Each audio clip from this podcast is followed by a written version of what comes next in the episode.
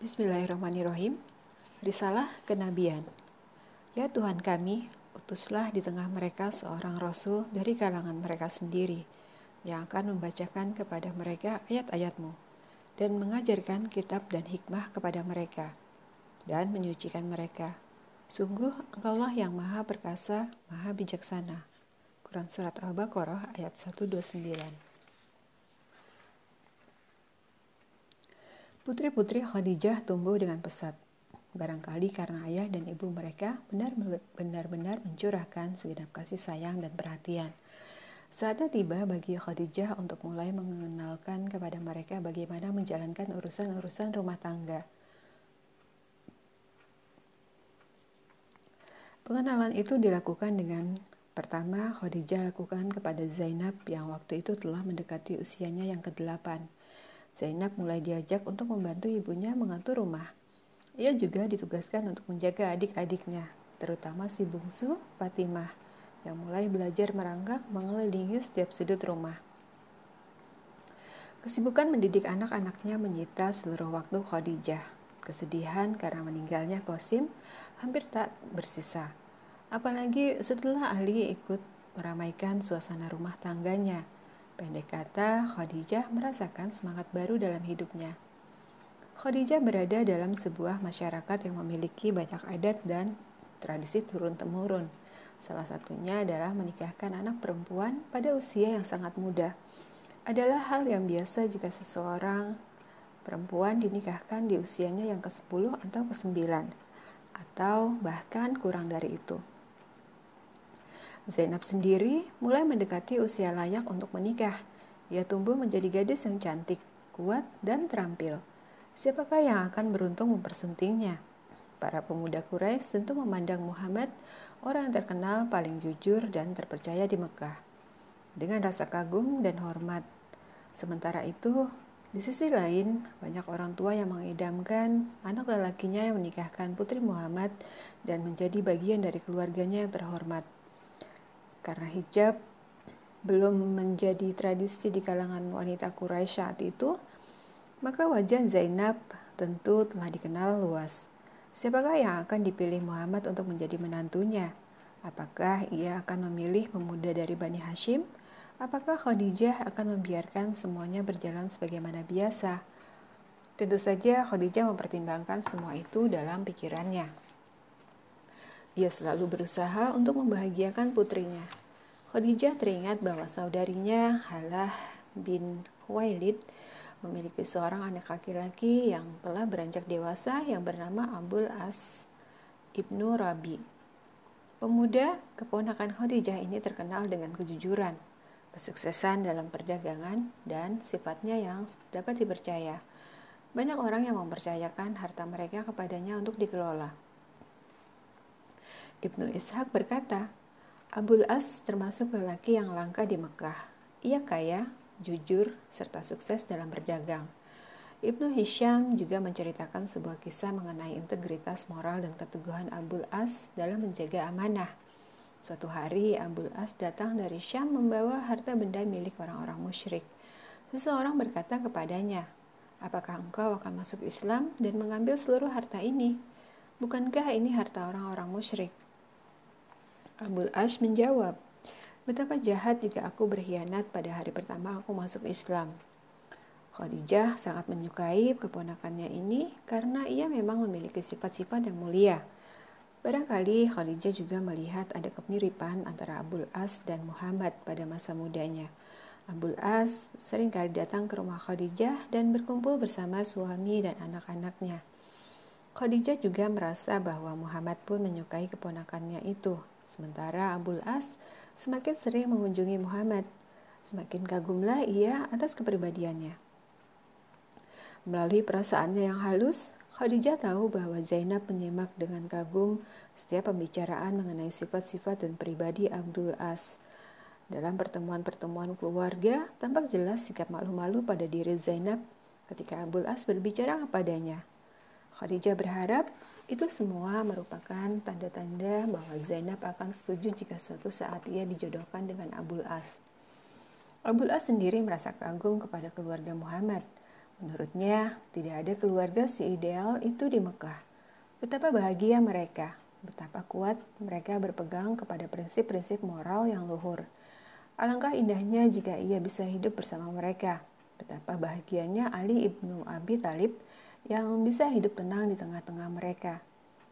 Kunjungan yang awalnya hanya didasarkan pada alasan-alasan kekerabatan kini menjelma menjadi ikatan emosional yang jauh lebih dal dan dalam. Rasa kagum Abul As pertama-tama ditujukan kepada Muhammad dan Khadijah, tetapi lambat laun rasa kagum itu beralih kepada Zainab. Awalnya Abul As kagum akan tingkah laku, akhlak, dan kepribadian Zainab. Lambat laun kekaguman itu berubah menjadi rasa cinta. Akankah Muhammad menerima sebagai suami Zainab? Bukankah banyak pemuda-pemuda lain dari Bani Hashim dalam kebingungannya, tidak ada pilihan bagi Abul As selain mengungkapkan rasa hatinya kepada Khadijah. Diceritakannya tentang bagaimana ia mengagumi keluarga Muhammad dan Khadijah, bahwa ia benar-benar berhasrat untuk menjadi bagian dari keluarga itu, bahwa ia mencintai Zainab dan ingin menikahinya. Khadijah mendengarkan semua itu dengan penuh perhatian dan berjanji akan mempertimbangkan permintaannya. Kemudian Khadijah menemui suaminya, Muhammad, dan bercerita kepadanya tentang keinginan Abul As untuk meminang Zainab. Dikatakannya bahwa Abul As adalah seorang pemuda yang berwatak dan bersifat mulia, bahwa ia dikenal luas di Mekah karena kebaikan dan kejujurannya. Khadijah memohon agar Muhammad menerima Abul As sebagai suami Zainab, putri mereka. Muhammad pun mengabulkan permohonan istri tercintanya itu. Kita tidak tahu apakah Abul As datang meminang Zainab bersama keluarganya atau sendirian. Tetapi yang jelas Muhammad menyambut pinangannya dengan terbuka dan senang hati. Zainab sendiri saat itu baru berusia 9 tahun beberapa bulan. Pernikahan berlangsung setahun sebelum turunnya wahyu. Kebahagiaan memenuhi perasaan Khadijah. Ia pun lupa akan segala kesedihan dan musibah yang menimpanya. Kabar pernikahan Abdul As dan Zainab menjadi bahan pembicaraan semua orang. Mayoritas penduduk Mekah menganggap Abdul As sebagai salah satu pemuda terbaik.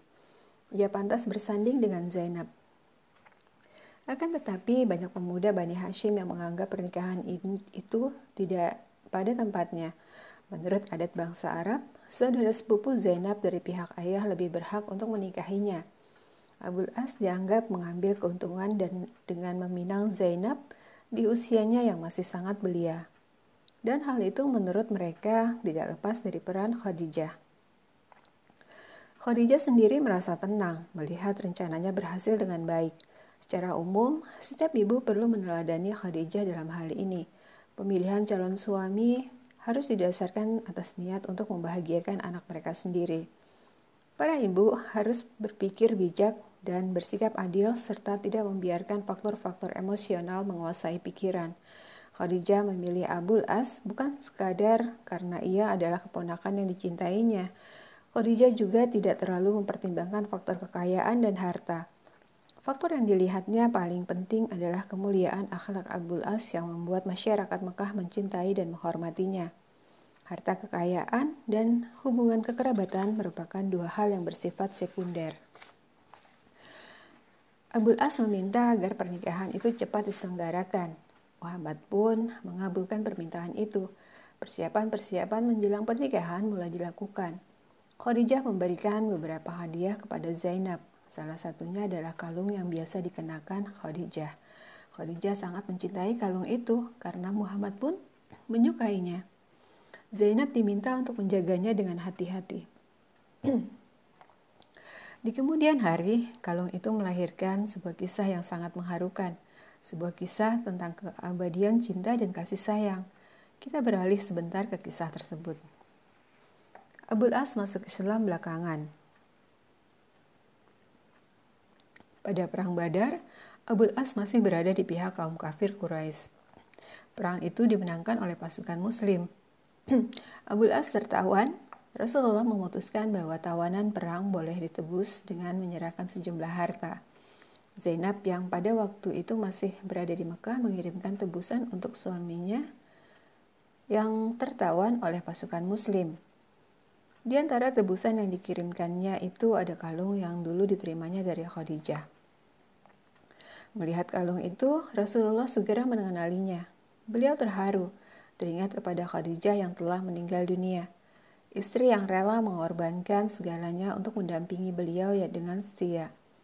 Sebagaimana diriwayatkan oleh Aisyah, Rasulullah lalu berkata, "Jika kalian setuju untuk membebaskan suami Zainab dan mengembalikan semua tebusan yang dikirimkannya, ini lakukanlah. Pernyataan itu benar-benar menunjukkan kelembutan dan kemuliaan hati Rasulullah. Beliau tidak memerintahkan para sahabat untuk membebaskan Abul As. Beliau hanya memohon persetujuan mereka, dan mereka ternyata menjawab, "Baiklah, wahai Rasulullah." Maka Abul As pun dibebaskan tanpa tebusan. Bagi Abul As sendiri, Kebaikan Rasulullah ini menimbulkan kesan yang mendalam. Sesampainya di Mekah, terbukalah hatinya untuk mengizinkan Zainab bergabung dengan bersama Rasulullah ayahnya di Madinah. Begitulah, setiap kebaikan akan mendatangkan kebaikan yang serupa. Kita kembali lagi ke tema awal. Abul As sangat mencintai Zainab. Kehidupan sepasang mempelai itu diliputi rasa cinta dan kasih. Begitu mendalam cinta Abul As kepada Zainab sehingga Ketika ia terpaksa meninggalkan Zainab untuk perjalanan dagang, hatinya begitu tersiksa. Ia menggubah banyak syair yang menunjukkan rasa rindunya kepada Zainab. Syair berikut misalnya digubah dalam perjalanan menuju Syam. Teringat aku kepada Zainab di kota ini. Kukatakan, dirahmatilah orang yang tinggal di tanah suci. Ialah putri Muhammad Al-Amin. Semoga Allah menganugerahkan kepadanya kebaikan. Karena setiap suami akan memuji istrinya, sesuai dengan apa yang ia kenal. Selang beberapa bulan setelah pernikahan, Zainab menunjukkan tanda-tanda kehamilan. Betapa bahagia Abul As mendengar kabar gembira itu. Belum lama setelah pesta pernikahan Zainab, Khadijah dikejutkan oleh kunjungan tiba-tiba dari rombongan Bani Hashim yang dipimpin oleh Paman Muhammad, Abu Lahab, ke rumahnya. Kunjungan ini agak mengejutkan karena dilakukan tanpa pemberitahuan. Abu Lahab sendiri sangat jarang berkunjung ke rumah Khadijah meski mereka bertetangga. Muhammad pun segera menyambut kedatangan rombongan ini dengan ramah. Khadijah mulai berpikir, rahasia apa yang ada di balik kunjungan yang mendadak ini? Mengapa Abu Lahab datang bersama rombongan yang besar? Setelah agak lama berbincang-bincang dengan para tamunya, Muhammad lantas masuk menemui Khadijah. Dikabarkan bahwa Abu Lahab beserta rombongannya datang dengan niat melamar Ruqayyah dan Ummu Ulsum untuk dua orang putranya, Utbah dan Utaibah. Muhammad berhenti sebentar untuk menatap wajah istrinya. Kemudian ia berkata bahwa tidak ada buruknya lamaran itu diterima. Dua anak Abu Lahab itu merupakan pemuda-pemuda yang terpandang dari sekian banyak pemuda Bani Hashim. Mereka berdualah kira-kira yang paling berhak menikahi Rukoyah dan Ummu Kulsum. Tetapi Muhammad juga menegaskan bahwa ia tidak akan mengambil keputusan hingga dua putrinya itu ditanya tentang pendapat mereka sendiri. Muhammad meminta Khadijah melakukan hal itu. Khadijah bertanya-tanya di dalam hati, mengapa harus tergesa-gesa? Bukankah kedua gadis itu masih terlalu muda? Rukoyah baru menginjak usia tujuh tahun, sementara Ummu Kulsum baru berusia enam tahun. Khadijah mengakui bahwa Abu Lahab berhak melakukan hal itu karena ia adalah paman Muhammad. Selain itu, ia juga salah seorang terkaya di Bani Hasim. Tetapi istri Abu Lahab, Ummu Jamil, adalah seorang wanita yang congkak dan selalu memaksakan otoritasnya kepada suami dan anak-anaknya. Khadijah curiga, jangan-jangan Ummu Jamil yang meminta Abu Lahab untuk mengajukan lamaran agar ia dapat menguasai rumah tangga Muhammad. Sebenarnya, Khadijah tidak melihat celah pada diri Utbah dan Utaibah, tetapi keduanya berada di bawah kekuasaan ibu mereka. Tak ada yang dapat mereka lakukan apabila Ummu Jamil telah mengeluarkan pendapatnya. Di atas semua itu, Ummu Jamil juga berwatak keras, cepat naik pitam, dan berlidah tajam. Lalu, apa yang harus dilakukan oleh Khadijah?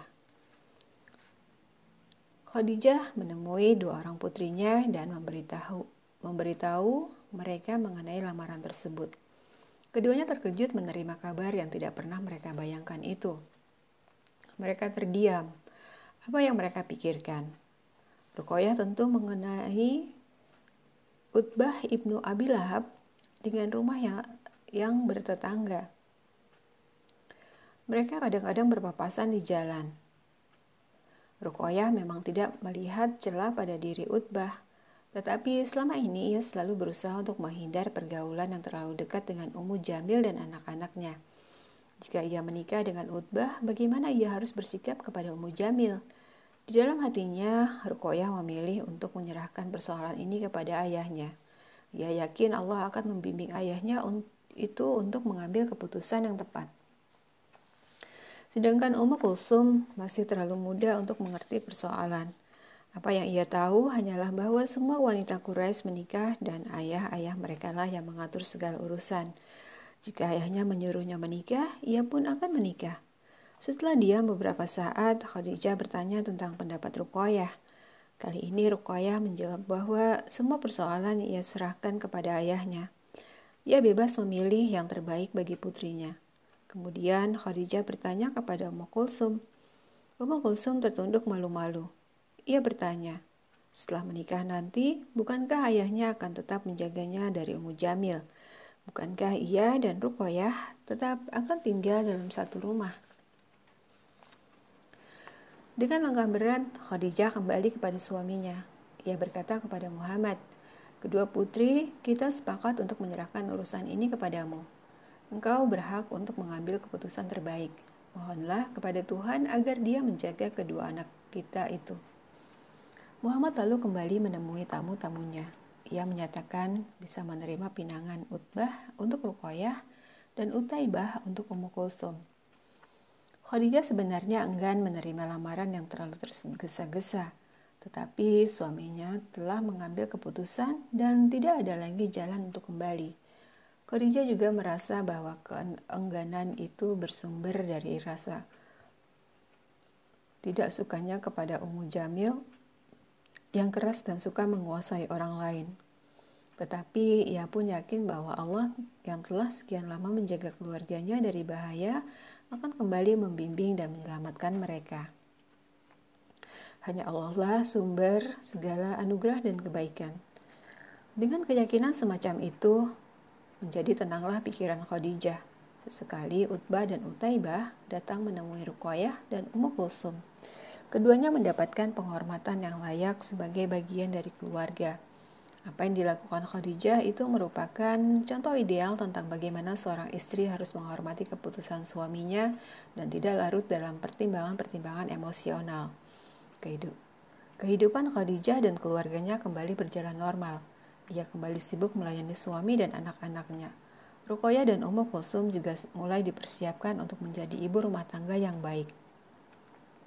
Sesekali mereka sekeluarga datang berkunjung ke rumah Zainab atau sebaliknya, Zainab yang berkunjung ke rumah mereka.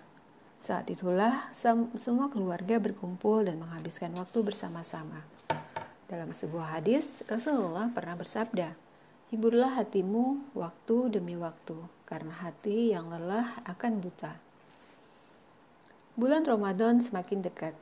Pada bulan itulah Muhammad biasanya melakukan uzlah ke di Gua Hiro. Khadijah mulai memikirkan apa yang akan dipersiapkannya sebagai bekal bagi suaminya. Tetapi betapa terkejutnya Khadijah ketika Muhammad memutuskan untuk melakukan uzlah jauh lebih awal. Ia pergi ke Gua Hiro, tinggal di sana berhari-hari, lalu pulang ke rumahnya untuk mengambil bekal. Kemudian berangkat lagi ke Gua Hiro. Tampaknya Muhammad semakin menyukai kegiatan uzlah. Suatu hari, Muhammad berjalan di Aziyad, tenggelam dalam perenungan terhadap ciptaan Allah serta kekuasaan dan keagungannya. Saat itu, ia melihat seorang malaikat berdiri dengan satu kaki di atas kaki yang lain di ujung cakrawala. Malaikat itu berkata, Wahai Muhammad, akulah Jibril. Wahai Muhammad, akulah Jibril. Muhammad merasa takut. Setiap kali ia mengangkat wajahnya, selalu malaikat itu tampak di hadapannya. Akhirnya Muhammad bergegas pulang dan menceritakan kepada Khadijah apa yang ia lihat. Muhammad berkata, Wahai Khadijah, demi Allah, tidak pernah aku membenci sesuatu seperti aku membenci berhala dan para peramal. Aku takut apa yang kulihat itu pertanda bahwa aku akan menjadi peramal. Khadijah menjawab, tidak. Saudara sepupuku, jangan katakan itu. Allah tidak akan pernah melakukan hal itu kepadamu. Engkau selalu menyambung tali silaturahmi, engkau selalu jujur, engkau selalu menunaikan amanat, dan ahlakmu sungguh mulia. Khadijah lalu pergi ke tempat Warokoh ibnu Naufal dan menceritakan kepadanya apa yang ia dengar dari Muhammad. Mendengar hal itu, Warokoh berseru gembira. Demi Allah, saudara sepupumu itu benar-benar jujur. Inilah tahap awal kenabian. Akan diturunkan kepadanya kitab suci terbesar. Perintahkan kepadanya agar ia tidak berprasangka apa pun kecuali yang baik-baik. Apa yang dikatakan Warokoh itu diceritakannya kembali kepada Muhammad, maka tenanglah hatinya. Kadang-kadang dalam tidurnya Muhammad bermimpi melihat sesuatu. Setelah bangun tidur, ia menceritakan mimpinya kepada Khadijah, dan ternyata mimpi itu menjadi kenyataan. Semakin yakinlah Muhammad bahwa dirinya makin norm masih normal. Akan tetapi, ketika Muhammad kembali ke tempatnya menyendiri, ia sering mendengar suara-suara memanggilnya. Ia mencoba untuk tidak mengabaikan hal itu. Kadang-kadang kita sedang berjalan di tengah malam yang gelap. Muhammad merasa ada cahaya menerangi jalannya. Semua itu menjadikannya kembali ragu. Jangan-jangan apa yang dilihatnya dan didengarnya hanya ilusi atau tanda-tanda kegilaan. Muhammad bercerita kepada Khadijah, Wahai Khadijah, aku sering mendengar suara-suara dan melihat cahaya. Aku khawatir aku telah gila. Khadijah menjawab, Allah tidak akan pernah melakukan hal itu kepadamu, wahai putra Abdullah. Demikianlah Khadijah terus berusaha untuk menghibur dan menenangkannya. Ketika tanda-tanda kenabian semakin sering muncul kepada Muhammad, sebagian besar masyarakat Quraisy masih tenggelam dalam kegiatan bersenang-senang dan berfoya-foya. Satu-satunya yang mereka jaga adalah tradisi yang mereka warisi dari nenek moyang. Mereka mempersembahkan kurban dan sesaji kepada patung-patung di sekitar dan di atas Ka'bah pada hari-hari raya yang dikhususkan untuk masing-masing patung itu. Jika seseorang di antara mereka tertimpa musibah, ia akan memohon pertolongan kepada patung-patung itu dan mempersembahkan sesaji sesuai kekayaan yang dimilikinya. Ada yang menyembelih unta, sapi, atau kambing dengan jumlah yang berbeda-beda. Mereka menyembah patung-patung itu dan mengadukan kepadanya semua persoalan yang mereka hadapi. Begitulah tradisi yang diwariskan dari ayah, kakek, dan leluhur mereka. Tidak pernah sedikit pun mereka berpikir bahwa patung-patung yang mereka sembah itu hanyalah batu yang dipahat oleh para pendahulu. Kakek-kakek mereka jugalah yang memberi nama kepada patung-patung itu. Boleh jadi nama itu mereka ciptakan sendiri atau mereka adopsi dari bangsa-bangsa lain yang sama-sama menyembah berhala. Tetapi intinya satu, bahwa patung-patung itu hanya batu yang tidak mendengar dan tidak mendatangkan manfaat ataupun bahaya apa pun. Bulan Ramadan telah datang. Tahun ini adalah tahun kelima setelah renovasi Ka'bah dan kelahiran Fatimah. Kali ini Muhammad kembali keluar menuju Gua Hiro, seperti yang biasa dia lakukan setiap tahun. Ia berjalan sendiri melintasi pinggiran kota Mekah sambil berpikir tentang keagungan Allah, kekuasaannya, serta keindahan ciptaannya. Di siang hari yang panas, Muhammad sampai ke Gua Hiro.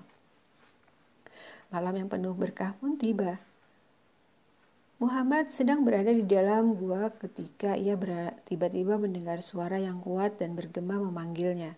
Suara itu seakan-akan datang dari atas. Lalu tampak di hadapannya sesosok tubuh besar yang seakan-akan memenuhi gua. Sosok itu diselubungi cahaya yang menyilaukan. Ia berkata, Wahai Muhammad, engkaulah utusan Allah. Muhammad berlutut. Perasaan takut menyelimuti hatinya. Sosok itu kemudian berkata lagi, Wahai Muhammad, aku Jibril, dan engkau adalah utusan Allah. Lalu diperlihatkanlah Lalu diperlihatkannya sebuah lembaran yang terlipat dalam kain sutra yang diperintahkannya. Bacalah. Muhammad menjawab, aku tidak bisa membaca. Mendengar jawaban Muhammad, Jibril memeluknya dan sangat, dengan sangat kuat lalu melepaskannya. Kembali Jibril berkata, bacalah. Muhammad pun tetap menjawab, aku tidak bisa membaca. Jibril memeluknya sekali lagi dengan kuat sehingga Muhammad mengira dirinya akan mati. Lalu Jibril kembali berkata, "Bacalah." Muhammad khawatir Jibril akan memeluknya dengan kuat seperti tadi, maka ia menjawab, "Apa yang harus kubaca?"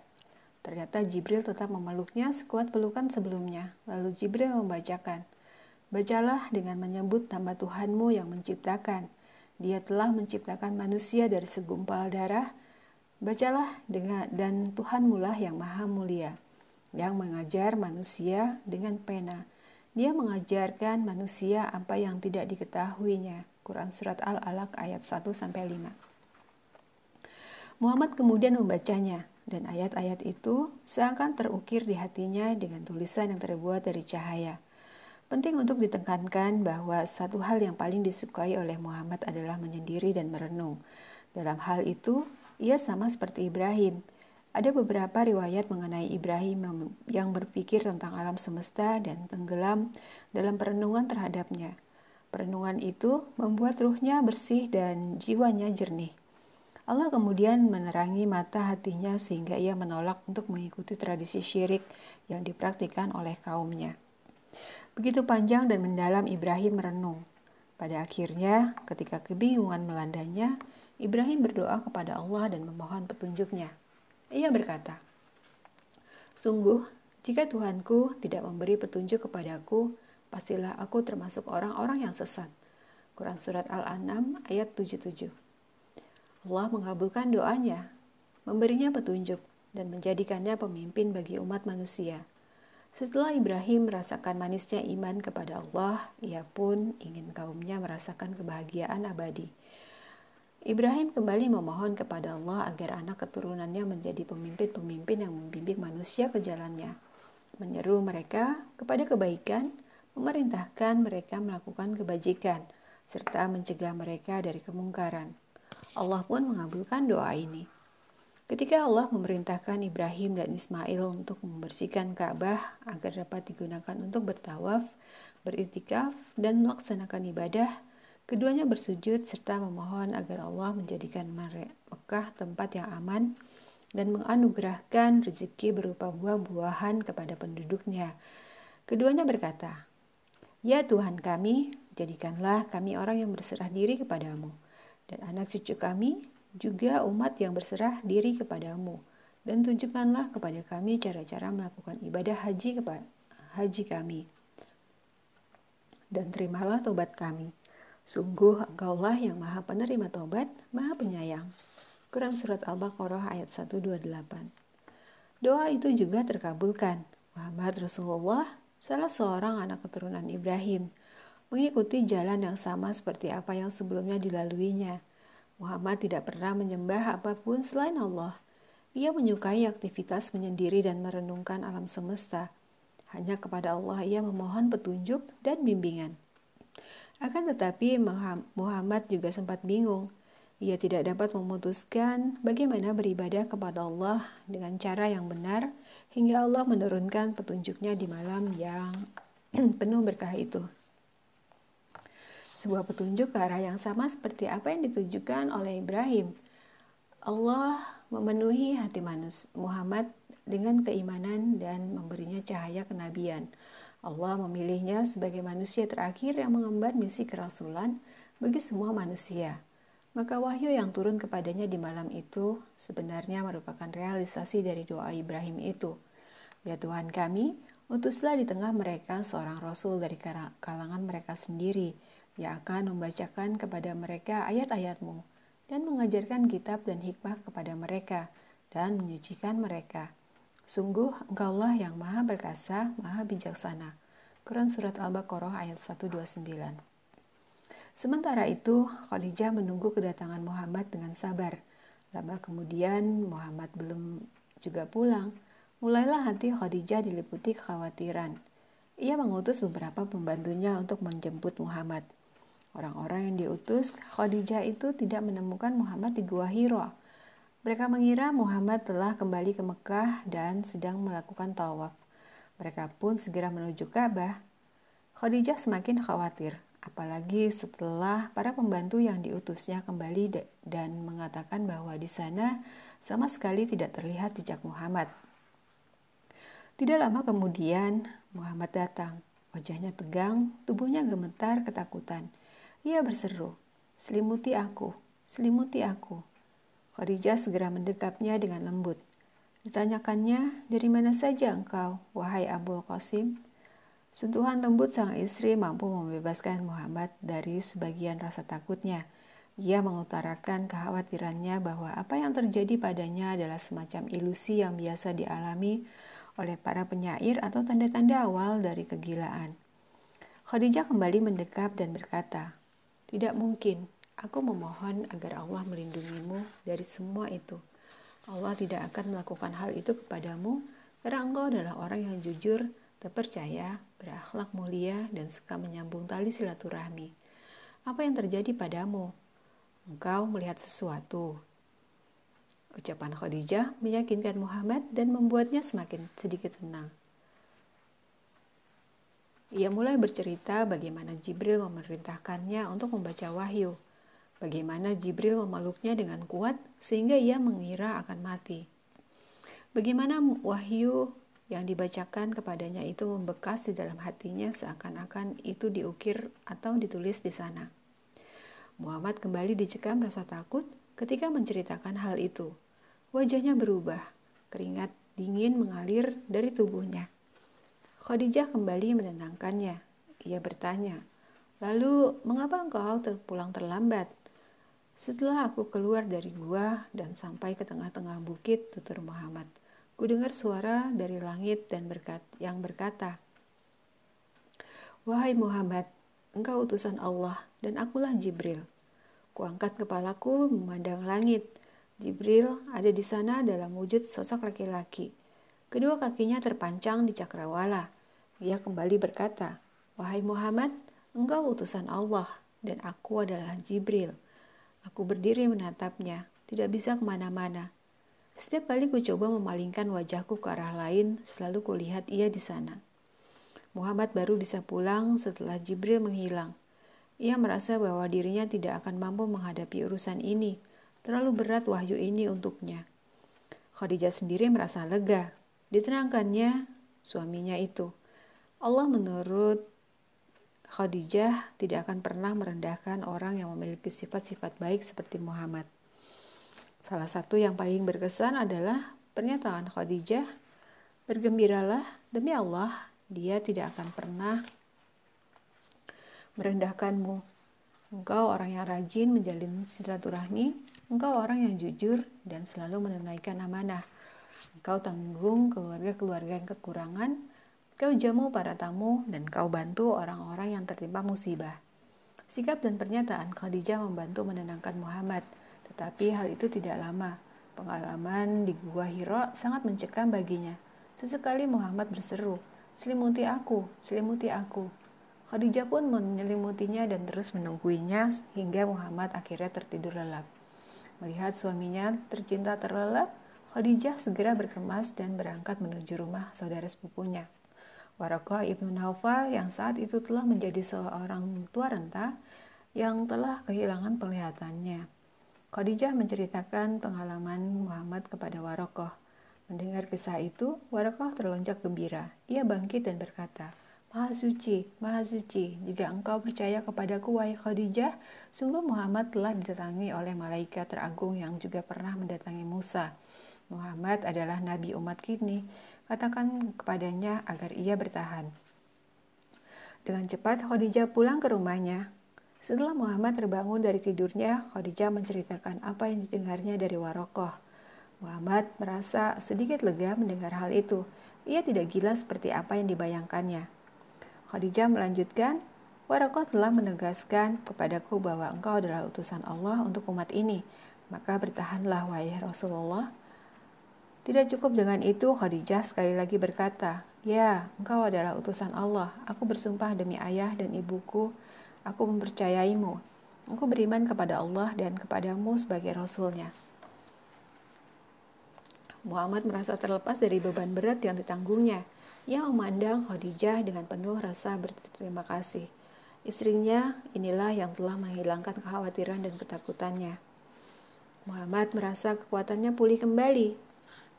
Begitulah Khadijah menjadi orang pertama yang beriman kepada Muhammad Rasulullah. Semenjak itu, Khadijah selalu berada di sampingnya, mendampinginya dalam setiap suka dan duka, serta menanggung segenap kesulitan bersamanya. Muhammad selalu berunding dan menceritakan segala urusannya kepada Khadijah, lebih dari sekedar istri yang setia.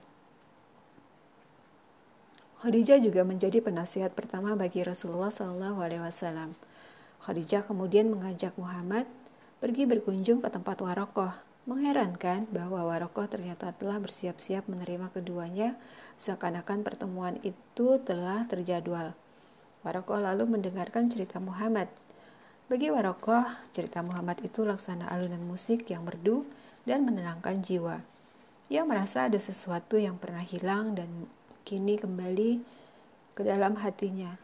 Ditegaskannya bahwa sosok yang ditemui Muhammad adalah malaikat yang pernah menyampaikan wahyu kepada Musa. Setan tidak mungkin dapat menyerupai Jibril. Warakoh meminta Muhammad agar membulatkan tekadnya untuk berjuang seperti para nabi sebelumnya. Ia menjelaskan bahwa Muhammad akan dimusuhi, diperangi, bahkan diusir oleh kaumnya sendiri. Muhammad terkejut mendengar ramalan itu. Mereka akan mengusirku, tanyanya. Warokoh tersenyum. Ia katakan, semua nabi yang diutus sebelummu mengalami hal yang sama. Mereka disakiti dan dimusuhi. Namun Warokoh berjanji akan membelanya sekuat tenaga jika dirinya masih hidup hingga hari itu. Ada baiknya jika kita kutipkan riwayat yang menceritakan hal itu. Riwayat berikut ini disandarkan pada Al-Hafiz Ibnu Abdil Bar Diriwayatkan bahwa Khadijah berkata, Wahai Warokoh, dengarkanlah kisah yang akan kusampaikan kepada keponakanmu, Muhammad ini. Warokoh bertanya kepada Muhammad, apa yang engkau lihat keponakanku? Muhammad menceritakan apa yang dialami dan dilihatnya. Mendengar hal itu, Warokoh berucap, itulah malaikat yang mendatangi Musa. Aku berharap masih hidup saat kaummu nanti mengusirmu. Mereka akan mengusirku? Tanya Muhammad. Ya, tidak pernah ada orang yang datang membawa sesuatu seperti yang kau bawa ini kecuali ia dimusuhi dan disakiti. Kalau aku masih hidup saat itu, aku akan membela mu sekuat tenaga. Warako tidak pernah menyaksikan bagaimana Muhammad dimusuhi oleh kaumnya. Ia meninggal dunia tak lama setelah meramalkan hal tadi. Setelah agak lama berbincang-bincang, Muhammad dan Khadijah pun pulang. Di rumah, Khadijah berusaha untuk menghibur dan membuat suaminya bergembira. Tetapi Muhammad tenggelam dalam perenungannya. Terbayang dalam ingatannya bahwa Jibril selalu berkata, Wahai Muhammad, engkau utusan Allah dan aku Jibril. inikah risalah Tuhan yang disampaikan oleh malaikat teragung? Seperti inikah risalah yang diturunkan kepada para rasul sebelum dirinya? Muhammad juga dapat mengingat dengan jelas bagaimana wahyu itu dimulai dengan perintah untuk membaca. Juga bahwa perbuatan membaca itu harus dilakukan dengan nama Allah, sumber ilmu dan pengetahuan. Wahyu itu lalu memerintahkan Muhammad agar menyampaikan kepada manusia bahwa Allah yang menciptakan segala sesuatu, bahwa manusia adalah makhluknya yang paling mulia, serta bahwa manusia tercipta dari segumpal darah. Kemudian wahyu itu kembali memerintahkannya untuk membaca dan menulis. Dua hal yang sangat penting untuk proses akumulasi dan transfer ilmu pengetahuan. Jibril seakan menegaskan bahwa Allah tidak membiarkan manusia begitu saja tanpa petunjuk. Allah justru memuliakan dan mengajar manusia dengan pena apa yang tidak diketahui oleh manusia. Betapa indah ayat-ayat ini, betapa agung dan mendalam makna yang dikandungnya. Maha suci Allah, dia telah mengutus para rasul sebagai petunjuk dan rahmat bagi manusia.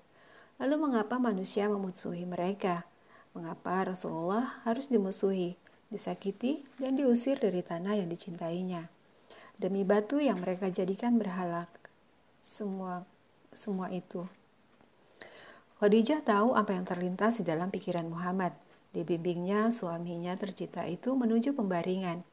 Khadijah berkata, Allah telah mengutusmu sebagai pemberi kabar gembira dan peringatan. Allah yang akan menjaga dan menolongmu sehingga engkau tuntaskan tugas risalah ini. Tidurlah, wahai Rasulullah, gunakan waktu istirahatmu yang sedikit ini. Muhammad terbangun dari tidurnya dalam keadaan sehat dan segar. Ia kemudian menuju Ka'bah dan melakukan tawaf. Setelah itu, Muhammad menuju suatu tempat yang sepi untuk berdoa dan beribadah di sana hingga petang menjelang. Saat itulah Muhammad mendengar suara memanggilnya. Ia menoleh ke kanan dan ke kiri. Tidak ada apa-apa. Kembali suara itu terdengar. Muhammad mencoba memandang ke depan dan ke belakang. Juga tak ada apa-apa. Namun suara itu tetap terdengar memanggil seakan-akan datang dari langit. Muhammad memandang ke atas. Yang ia lihat adalah malaikat yang pernah mendatanginya beberapa malam lalu duduk di atas kursi di antara langit dan bumi. Muhammad gemetar ketakutan. Ia segera berlari pulang. Sesampainya di rumah, dengan bayangan ketakutan masih terlihat jelas di wajah dan tubuhnya, Muhammad segera berseru, "Selimuti aku, selimuti aku." Khadijah segera menyelimuti tubuh suaminya. Ia berusaha untuk menenangkannya. Tetapi wajah Muhammad semakin lama semakin pucat. Keringat mengucur deras dari keningnya. Bibirnya bergerak-gerak seakan hendak mengucapkan sesuatu. Khadijah mulai khawatir, tetapi lambat laun Muhammad mulai tenang. Ketika telah sepenuhnya pulih, Muhammad bercerita kepada Khadijah bahwa ia melihat malaikat yang pernah menemuinya di Gua Hiro. Rasa takut yang sangat mencekam menjadikannya roboh ke tanah untuk kemudian bergegas pulang. Sesaat setelah Khadijah memasangkan selimut di atas tubuhnya, Muhammad mendengar bunyi gemerincing bel yang keras. Jibril kembali, kembali mendatanginya dan menurunkan wahyu yang langsung diingatnya di luar kepala. Wahyu tersebut adalah Wahai orang yang berkemul atau berselimut, bangunlah lalu berilah peringatan dan agungkanlah Tuhanmu dan bersihkanlah pakaianmu dan tinggalkanlah segala perbuatan yang keji. Quran Surat Al-Mudatsir ayat 1 sampai 5. Ayat-ayat itu melahirkan kesejukan dan kedamaian di dalam hati Muhammad dan Khadijah. Jika ayat-ayat yang turun di Gua Hiro menegaskan status kenabian Muhammad, maka ayat-ayat yang turun kali ini menjelaskan bahwa ia telah menjadi Rasulullah yang mengemban tugas untuk menyampaikan risalah dan memberikan peringatan kepada manusia. Ayat-ayat itu juga memerintahkan Muhammad untuk mengagungkan Tuhannya, bersuci, dan tidak melakukan perbuatan-perbuatan keji. Saat itulah masuklah Ali Abu Ali ibnu Abi Talib Rasulullah segera mengajaknya untuk beriman kepada Allah yang Esa, mengagungkannya, menghindari penyembahan berhala, serta menyucikan diri, perbuatan, dan pakaiannya dari segala kotoran. Ali menerima ajakan itu dan langsung beriman. Usianya baru 10 tahun. Dengan demikian, Ali adalah lelaki pertama yang beriman. Tidak ada yang mendahulinya selain Khadijah Diceritakan bahwa Ali sangat bangga dengan kenyataan ini sehingga ia berkata, Kudahului kalian semua dalam memeluk Islam. Aku masih kanak dan belum balik saat itu. Rasulullah benar-benar gembira menerima pengakuan iman dari Ali. Begitu pula dengan Khadijah, betapa mulia ia. Betapa cerdas dan berani.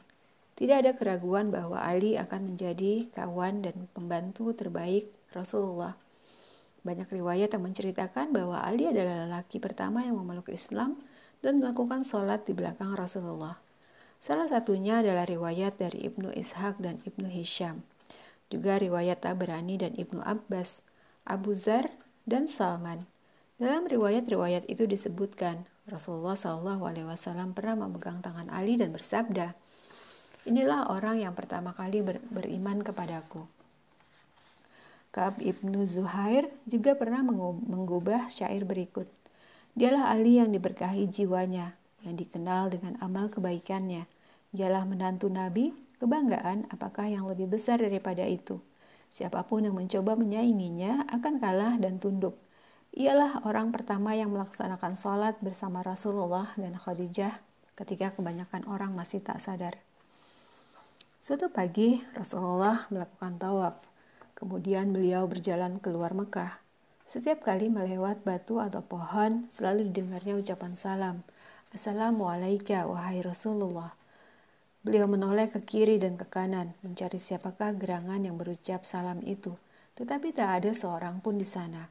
Awalnya Rasulullah menganggap itu hanya ilusi, tetapi suara-suara itu terus terdengar. Apa yang akan dikatakan orang-orang yang jika mereka mendengar cerita ini? Tentu saja mereka akan bilang, Muhammad telah gila. Bagaimana mungkin ia gila, padahal Allah telah menjadikannya nabi dan utusan yang bertugas menyampaikan peringatan kepada manusia. Rasulullah merasa tersing Rasulullah merasa bingung. Betapa ingin ia melihat Jibril turun untuk menjelaskan semua ini kepadanya. Sementara itu, suara-suara yang mengucap salam kepadanya tidak kunjung lenyap. Hampir saja Rasulullah kehilangan kontrol atas dirinya dan meloncat dari atas gunung yang tinggi, tapi ia memutuskan untuk pulang. Tidak lama setelah sampai di rumahnya, Rasulullah mendengar suara gemerincing bel. Seketika itu pucatlah wajahnya. Keringat bercucuran di keningnya. Jibril datang membawa wahyu berikutnya. Nun, demi pena, dan apa yang mereka tuliskan. Dengan karunia Tuhanmu, engkau Muhammad bukanlah orang gila. Dan sesungguhnya engkau pasti mendapat pahala yang besar yang tidak putus-putusnya. Dan sesungguhnya engkau benar-benar berbudi pekerti yang luhur. Maka kelak engkau akan melihat dan mereka orang-orang kafir pun akan melihat. Siapa di antara kamu yang gila? Quran Surat Al-Qalam ayat 1-6 Ayat-ayat ini melegakan perasaan Nabi. Allah bersumpah dengan pena, alat untuk menulis dan mengumpulkan pengetahuan. Sumpah ini benar-benar penting karena dengannya Allah menegaskan bahwa Rasulullah memiliki akal yang sehat dan tidak gila. Allah juga menjanjikan kepadanya pahala besar yang tiada putus sebagai balasan bagi upayanya menyampaikan risalah Allah kepada manusia serta kesabarannya menempuh setiap kesulitan. Kemudian Allah telah memuji budi pekerti dan akhlaknya yang mulia. Dia menurunkan kepadanya agama yang sangat mementingkan aspek pembinaan budi pekerti yang luhur. Khadijah pun merasa gembira mendengar turunnya ayat-ayat itu. Hal itu membuktikan bahwa Allah menghormati dan menyucikan Rasulullah. Ayat-ayat itu juga menyangkal kemungkinan Rasulullah gila, menjanjikan kepadanya pahala yang besar, serta memuji akhlaknya yang agung. Penghormatan yang luar biasa dari Allah itu menjadikan Khadijah tidak lagi perlu mendengar penghormatan yang sama dari pepohonan dan bebatuan. Khadijah sadar bahwa ia dibebani dengan tugas yang amat berat, membela dan mendorong manusia suaminya untuk terus bertahan menyebarkan risalah. Orang berikutnya yang memeluk Islam adalah Zaid ibnu Harisah. Suatu hari, ia datang ke kediaman Rasulullah dan menerima ajakan untuk beriman kepada Allah dan Rasulnya, menjauhi penyembahan berhala, bertingkah laku dengan akhlak yang mulia, serta menyucikan diri dari perbuatan dan perbuatannya. Tanpa banyak pertimbangan, Zaid berikrar dan mengucapkan dua kalimat syahadat. Khadijah juga menyampaikan kepada empat orang putrinya bahwa Allah telah memilih Muhammad, ayah mereka, sebagai utusannya. Mereka diminta untuk hanya menyembah Allah dan bertingkah laku dengan akhlak yang mulia. Ajakan itu mereka terima dengan senang, hati, dengan hati terbuka. Dengan begitu, tidak ada lagi orang yang masih belum memeluk Islam di kediaman Rasulullah. Sementara itu, Abu Bakar ibnu Abi Kuhafah sedang berada di Yaman ketika Muhammad diangkat menjadi Rasul. Dalam sebuah riwayat yang berasal dari Abdullah ibnu Mas'ud, dikisahkan bahwa di tengah perjalanannya Abu Bakar menemui seorang lelaki tua di kabilah Az. Lelaki ini telah mempelajari kitab suci, kitab suci yang diturunkan sebelumnya. Ia mengatakan kepada Abu Bakar bahwa telah tiba waktunya seorang nabi dari suku Quraisy diutus di Mekah. Ia juga melihat tanda-tanda yang menunjukkan bahwa Abu Bakar akan menjadi salah satu pembantu terdekat nabi ini dalam menyampaikan risalahnya. Pada akhir pertemuan, lelaki itu berkata kepada Abu Bakar, "Jangan pernah berpaling dari kebenaran. Berpegang teguhlah pada jalan yang benar dan lurus. Takutlah kepada Allah dalam segala hal yang dianugerahkannya kepadamu." Abu Bakar pun meneruskan perjalanannya. Sebelum pulang ke Mekah, Abu Bakar sekali lagi mengunjungi lelaki tua itu. Lelaki itu menggubah beberapa syair pujian untuk sang nabi yang ditunggu-tunggu dan berpesan kepada Abu Bakar jika Abu Bakar nanti bertemu dengan sang nabi untuk menyampaikan syair-syair itu kepadanya. Sesampainya di Mekah, Abu Bakar dikejutkan oleh kunjungan mendadak beberapa pemuka Quraisy, di antaranya Abu Jahal dan Abul Baktari.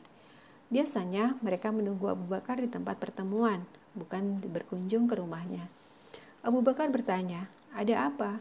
Apakah kalian tertimpa musibah atau ada perkara penting yang perlu kalian sampaikan?" "Wahai Abu Bakar," jawab mereka, orang-orang ramai membicarakan sebuah peristiwa penting. Muhammad, anak yatim yang diasuh Abu Talib itu, mengira bahwa dirinya adalah nabi kalau bukan karena engkau, tentu kami telah bereskan persoalan ini. Sekarang ketika engkau telah datang, engkaulah yang kami harap untuk dapat menyelesaikannya. Begitulah para pemuka Quraisy yang menentang Rasulullah sejak awal beliau diutus menjadi nabi. Rasa sombong dan iri memang menjadikan mereka buta. Mereka heran bagaimana mungkin pemuda yatim yang miskin diangkat menjadi nabi. Mengapa status kenabian itu bukan untuk mereka yang jauh lebih kaya dan mulia? Mereka menunggu Abu Bakar dan berharap agar ia dapat menghentikan Muhammad. Abu Bakar mendengarkan mereka dengan penuh perhatian hingga akhirnya mereka pergi. Kemudian Abu Bakar mencari tahu di mana Muhammad berada. Ia mendengar bahwa Muhammad ada di rumah Khadijah. Ia pun bergegas ke sana. Begitu bertemu dengan Muhammad, Abu Bakar langsung bertanya mengapa ia menentang agama leluhur yang telah dianut masyarakatnya sekian lama. Rasulullah menjawab, Wahai Abu Bakar, aku adalah utusan Allah kepadamu dan kepada seluruh manusia, maka berimanlah kepada Allah. Abu Bakar kembali bertanya, bukti apa yang kau miliki? Lelaki tua yang kau temui di Yaman. Lelaki tua yang mana? Lelaki tua yang menitipkan beberapa syair untukku. Abu Bakar terkejut. Siapa yang memberitahumu tentang hal itu? Malaikat yang telah mendatangi nabi-nabi sebelumku. Ulurkan tanganmu, Muhammad. Aku bersaksi bahwa tiada Tuhan selain Allah dan engkau adalah Rasulullah. Khadijah mendengar semua percakapan ini dari balik pintu. Ia berseru, Segala puji bagi Allah yang telah memberimu petunjuk, wahai Abu Bakar. Khadijah tahu bahwa Abu Bakar memiliki kedudukan yang tinggi di tengah masyarakat Quraisy. Orang-orang mencintainya dan Khadijah berharap Abu Bakar dapat menjadi pembantu terbaik bagi Rasulullah SAW. Ada beberapa riwayat yang berbeda tentang kisah masuk Islamnya Abu Bakar. Kami memilih riwayat Abdullah ibnu Mas'ud karena ia termasuk pelaku sejarah. Ibnu Mas'ud merupakan salah satu orang yang pertama kali memeluk agama Islam. Ia juga termasuk 10 orang sahabat yang dijamin masuk surga. Bahkan ia sendiri berkata, Aku adalah orang keenam yang masuk Islam. Waktu itu tidak ada seorang muslim pun di muka bumi ini selain kami. Rasulullah mengangkat Ibnu Mas'ud sebagai pembantunya. Sebuah pernyataan yang menarik diucapkan oleh Abu Musa al-Ash'ari ketika aku dan saudaraku datang dari Yaman. Kami kira Abdullah ibnu Mas'ud adalah anggota keluarga Rasulullah Shallallahu Alaihi Wasallam karena ia dan ibunya keluar masuk dengan bebas di rumah beliau. Dengan alasan-alasan itu, kami menganggap Abdullah ibnu Mas'ud sebagai salah seorang sahabat yang paling memahami sejarah Islam pada masa-masa awal. Sebuah alasan lain yang membuat kita menerima riwayat darinya adalah sabda Rasulullah Shallallahu. Aku menyukai untuk umatku apa yang disukai oleh ibnu Umi Abdul, dan aku membenci, membenci untuk umatku apa yang dibenci olehnya. Riwayat Abdullah ibnu Mas'ud menegaskan bahwa Abu Bakar memeluk Islam setelah kedatangannya dari Yaman. Dengan begitu, ia merupakan lelaki dewasa kedua yang masuk Islam setelah Zaid ibnu Harithah, atau lelaki ketiga jika Ali ibnu Ab Abi Talib yang saat itu masih kecil dimasukkan dalam hitungan atau orang keempat jika Khadijah juga diperhitungkan. Rasulullah sendiri memuji Abu Bakar dalam sabda beliau, setiap orang yang kuajak memeluk Islam pasti ragu dan penuh pertimbangan, tetapi itu tidak terjadi pada Abu Bakar. Ketika aku mengajaknya, ia menerima tanpa sedikit pun ragu. Apa perbedaan pendapat mengenai siapakah yang terlebih dahulu masuk Islam? Abu Bakar ataukah Ali? Jalan tengah untuk perbedaan itu dapat dicapai dengan menyatakan bahwa Abu Bakar merupakan orang pertama yang menunjukkan status keislamannya ke tengah publik – tetapi sejauh menyangkut siapa yang lebih awal memeluk Islam, Ali adalah orangnya. Pendapat itu didukung oleh pernyataan Al-Muhib atau Bari yang mengutip Ibnu Salah. Menurutnya, jalan tengah itu dapat diterima jika kita menyepakati bahwa orang pertama yang masuk Islam adalah Khadijah. Lelaki pertama yang masuk Islam adalah Ali ibnu Abi Talib, saat yang saat itu masih kecil, belum balik dan tidak menampakkan status keislamannya secara terang-terangan. Laki dewasa yang pertama masuk Islam dan menampakkannya secara terang-terangan adalah Abu Bakar ibnu Abi Kuhafah. Sementara budak pertama yang masuk Islam adalah Zaid ibnu Harisah. Menurutnya pula, pendapat ini disepakati oleh mayoritas ulama. Pernyataan ini, lelaki pertama yang masuk Islam adalah Abu Bakar. Harus dipahami dalam kerangka tersebut bahwa Abu Bakar merupakan lelaki dewasa di luar keluarga Rasul yang pertama kali memeluk agama Islam.